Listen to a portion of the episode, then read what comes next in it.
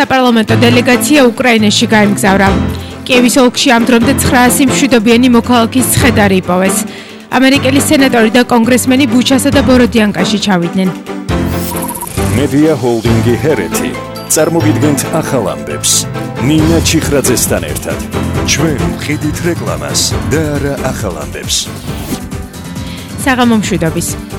სახელმწიფო უსაფრთხოების სამსახურში ამტკიცებენ, რომ ნაციონალური მოძრაობის მიერ უკრაინაში შესაძლო პროვოკაციების მოწყობის ფაქტზე გამოძიება არა დღეს, არამედ ორი დღით ადრე 13 აპრილს დაიწყეს ინფორმაცია კი დღეს ცნობილი გახდა. მას შემდეგ რაც ვოლსკიმ განაცხადა, რომ სარწმუნო წყაროდან გვაქვს ინფორმაცია ნაციონალური მოძრაობა უკრაინაში ვიზიტის დროს გარკვეულ პროვოკაციებს გეგმავს. სახელმწიფო უსაფრთხოების სამსახურის მიერ მოპოვებული ინფორმაციის საფუძველზე გამოძიება დაწყებულია 325 მუხლის პირველი ნაწილით, რაც სახელმწიფო პოლიტიკური თანამდებობის პირზე თავდასხმა ამას გულისხმობს.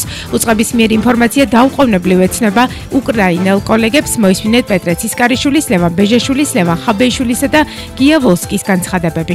სწორედ აი ამ ტიპის განცხადებებია პროვოკაცია და საერთოდ ესეთი აზრი როგორ უნდა მოუვიდეს ადამიანს, რომ იქ რაღაცა ქართული დელეგაციის წინააღმდეგ იმ დელეგაციის ხელმძღვანელობის ქვეშ, რომელიც მთელი თველნახევრის განმავლობაში რუსეთის ფედერაციას და პუტინის რეჟიმს გულშემატკივრობდა, ჩვენ არ გვინდა რიგით წევრებად წავიდეთ, ჩვენ ჩვენი ურთიერთობა გვაქვს, ჩვენი დღის წესრიგი გვაქვს უკრაინელ პარტნიორებთან მიმართებაში და აქამდეც ვიყავით და მომავალშიც წავალთ. ოფიციალური მოწვევა ისინი უზრუნველყოფენ ჩვენი საპარლამენტო დელეგაციის ქართული ოსნების საპარლამენტო დელეგაციის უსაფრთხოებას და არ არის საჭირო ეხა ეს მიზეზების ზიება იმისათვის რომ კიდე თავი არიდო გამგზავრებას. ოფიციალური რაღაც მოლაპარაკებები დაჭიდა მათ რომ დაგვიანებით, მაგრამ მაინც ჩასულიყო უკრაინაში და გამოეხადა სოლიდარობა და ადგილზე ინახათ ომის დანაშაულები ჩადენილი რუსეთის ფედერაციის მიერ.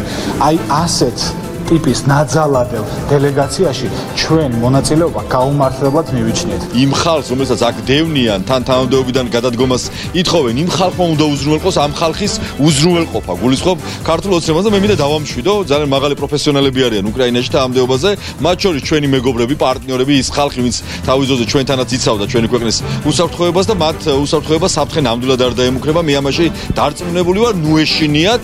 ესეთი ინფორმაცია არის, რომ სწორედაც გარკვეული პროვოკაციის დაგეგმის მიზნით არიან მობილიზებულები და სწორედ ეს არის მთავარი მიზანი მიზეზი იმისა, რატომ არ არიან ისინი დელეგაციაში. უფრო მეცაც გეტყვით, აღნიშნულთან დაკავშირებით საკმაოდ სარწმუნო წყაროდან მიიღო ინფორმაცია ჩვენმა სპეციალურმა სამსახურებმა და უკვე გაუზიარეს ეს უკრაინის სპეცსამსახურებს. დარწმუნებული ვარ, რომ უკრაინელები ამასთან დაკავშირებით მიიღებენ შესაბამის ზომებს და აი ამ ვიზიტს ხელი არ შეეშლება.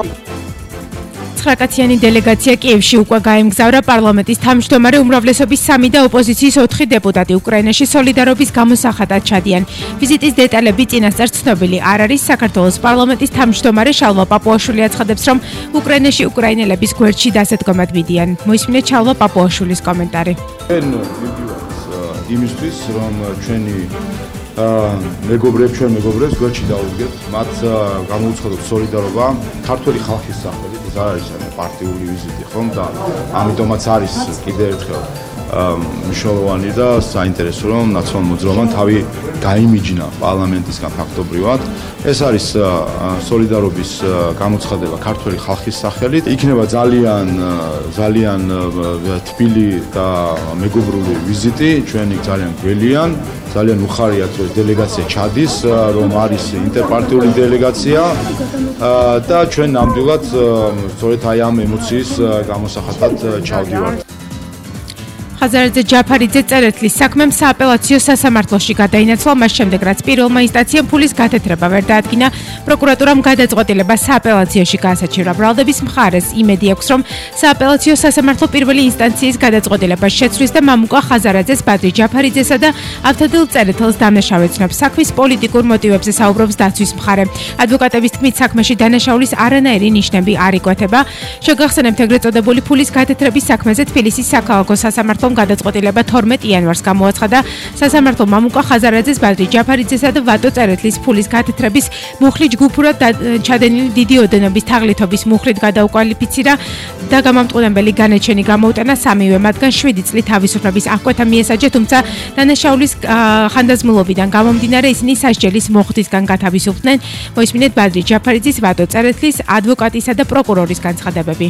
სახელმწიფო დეპარტამენტის ანგარიში კიდევ ერთხელ თვალსაჩინოდ იქნა წარმოდგენილი ჩემი და მამუკა ხაზარაძის და ავტოწერეთის მიმართ სასამართლო დევნა. სწორი გზა არის ახლა გაუქმდეს ის აბსურდული გადაწყვეტილება, რომელიც დაუწერა ქართულ ოცნებამ მოსამართლე არევაძეს. დაიწყო მეორე სერია ხელისუფლებამ შიგნით სასამართლოში ბოდვით და გარეთ ზეწოლის და შანტაჟის, თუმცა ამ ხელისუფლების და საშანტაჟებელი რო გავხდები, იმ დღეს ვეწავალ ამ ქვეყნიდან. არავითარ თაღლითობას მით უმეტეს ხანდაზმულს აქ ადგილი არ აქვს და თუ ეს ვერ მოხერხდება დამტკიცდეს შიდა ინსტანციის სასამართლოებს და მე იმედი მაქვს რომ მოხერხდება, ეს სტრასბურგისთვის არის, ასე ვთქვათ, ცალსახა საქმე, მარტივი მიზეზის გამო ესეთი ბრალიც არ არსებობდა საერთოდ დაზარალებული არ არის ამ საქმეში. გვაქვს მონოდინი რომ სააპელაციო ინსტანციის სასამართლო შეცვლის პირველ პირველი ინსტანციის სასამართლოს გადაწყვეტილებას და უკვე განაჩენს დაადგენს ინფორმირებით, რა ფორმულირებითაც ჩვენ ვედავებოდით მამუკა ხაზარაძეს, ბადრი ჯაფარიძეს და ავთონი წერეთელს. კერძოდ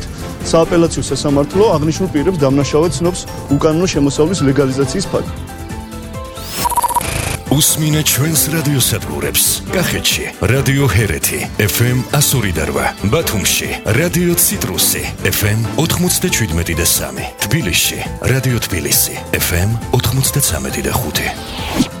და კვლავ უკრაინა კიევის ოლქის პოლიციის უფროსი ანდრეი ნებიტოვის ინფორმაციით კიევის ოლქში სულ 900 მშვიდობიანი მოქალაქის ცხედარი იპოვეს. საუბარია კიევის ოლქის იმ დასახლებულ პუნქტებზე, სადაც თებერვალ-მარტის განმავლობაში რუსი ოკუპანტები იმყოფებოდნენ. როგორც ნებიტოვმა აღნიშნა, ყველაზე მეტი ცხედარი ბუჩაში იპოვეს 350 ადამიანი. ისევე თქმით, ბოროდიანკასა და მაკაროვში გაწმენდითი სამუშაოები ამ დრომდე მიმდინარეობს და ნანგრევებში სავარაუდო ცხედრები იქნება. ნებიტოვი ამბობს, რომ ყველა გარდაცვლილი მშვიდობიანი მოქალაქე იყო. ამერიკელი სენატორი სტივ დეინსი მონტანადან წარმომადგენელთა პალატის კონგრესმენი ვიქტორია სპარცი, რომელიც უკრაინული წარმოშობისაა ბუჩასა და ბოროდიანკაში ჩავიდნენ, ისინი უკრაინაში ხუთშაბათს იმყოფებოდნენ და ადგილზე ნახეს რუსული სისასტიკის შედეგები. ისინი გახდნენ პირველი ამერიკელი ოფიციალური პირები, რომლებიც უკრაინაში ჩავიდნენ ომის დაწყების შემდეგ. სენატორებთან ერთად იმყოფებოდა უკრაინის შინაგან საქმეთა მინისტრის მრჩეველი ანტონ გერაშენკოც, როგორც სენატორებმა აღნიშნეს, მხარს უჭერენ კონგრესის ძალისხმევას, აიძულონ პრეზიდენტი ბაიდენი უკრაინისთვის იერაღის სწრაფად მიწოდება. ჰუმანიტარული კრიზისი არ დასრულდება მანამ სანამ ომი არ დასრულდება და ომი არ დასრულდება მანამ სანამ უკრაინელები არ გაიმარჯვებენ წერს ანტონ გერაშენკო. ამერიკაში ფიქრობენ რომ უკრაინაში რუსეთის ომი 2022 წლის ბოლომდე გაგრძელდება ინფორმაცია CNN-ი ოფიციალურ პირზე დაყნობი წარ საუბარი ამერიკის სახელმწიფო მდივან ენტონი ბლინკესა და ამერიკის პრეზიდენტის მრჩეველზე ეროვნული უსაფრთხოების საკითხებში ჯეიქ სალივანზე რომელიც ამბობს რომ უკრაინაში ბრძოლები თვეების განმავლობაში გაგრძელდება და ბოლოს პუტინის ნაცლი მამა წოდებული ვიქტორ მედვეჩუკის მეუღლე უკრაინულ მხარეს მეუღლის წამებაში ადანაშაულებს. სამის შესახებ ოქსანა მარჩენკომ რუსეთში გამართულ პრესკონფერენციაზე ისაუბრა ის ამტკიცებს, რომ უკრაინის დაზვერვის ქვედანაყოფები წამებას სასურველი ჩვენების მისაღებად იყენებენ. ვარაუდის გასამტკიცებლად კი უკრაინის შინაგან საქმეთა სამინისტროს ხელმძღვანელის ვადიმ დენისენკოს განცხადება გაიხსნა, რომელიც ამბობდა, რომ მედვეჩუკისგან უკრაინულ მხარეს ჩვენება აუცილებლად უნდა მიიღო. პრესკონფერენციას კრემლის პროპაგანდისტი პუტინისტი ჟურნალისტი ვლადიმერ სალავიოვი ვიცესწრებოდა ცნობისთვის მედვეჩუკი 12 აპრილს უკრაინულმა მხარემ დააპატიმრა რის შემდეგაც ვლოდიმირ ზელენსკიმ კრემლს მისი ტყვეებში გაცვალ შესთავაზა. ასეთი იყო ახალი ამბები ამ დროისთვის. მორიგი საინფორმაციო გამოშვებით სულ საათზე ბრუნდებით. პირდაპირ ეთერში მანამდე კი უფრო მეტი ახალი ამბები ნახეთ წაიკითხეთ და მოისმინეთ რადიო თბილისის ოფიციალურ facebook გვერდზე. სტუდიაში თქვენთვის ნინა ჩიხრაძე მუშაობს. მადლობა ყურადღებისთვის. რადიო იწყება ჩვენით